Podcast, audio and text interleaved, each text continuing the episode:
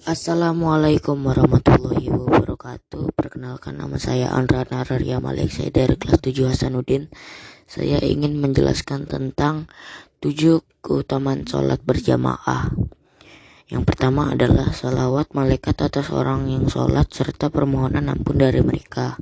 Yang kedua kecewanya setan karena berkumpulnya orang-orang untuk beribadah yang ketiga, adanya pelatihan untuk membaca Al-Quran dengan benar. Yang keempat, pengajaran rukun-rukun sholat. Yang kelima, keselamatan dari kemunafikan. Yang keenam, ditinggikan derajatnya oleh Allah Subhanahu wa taala. Dan yang ketujuh, dihapuskan dosanya oleh Allah Subhanahu wa taala hingga ia masuk masjid.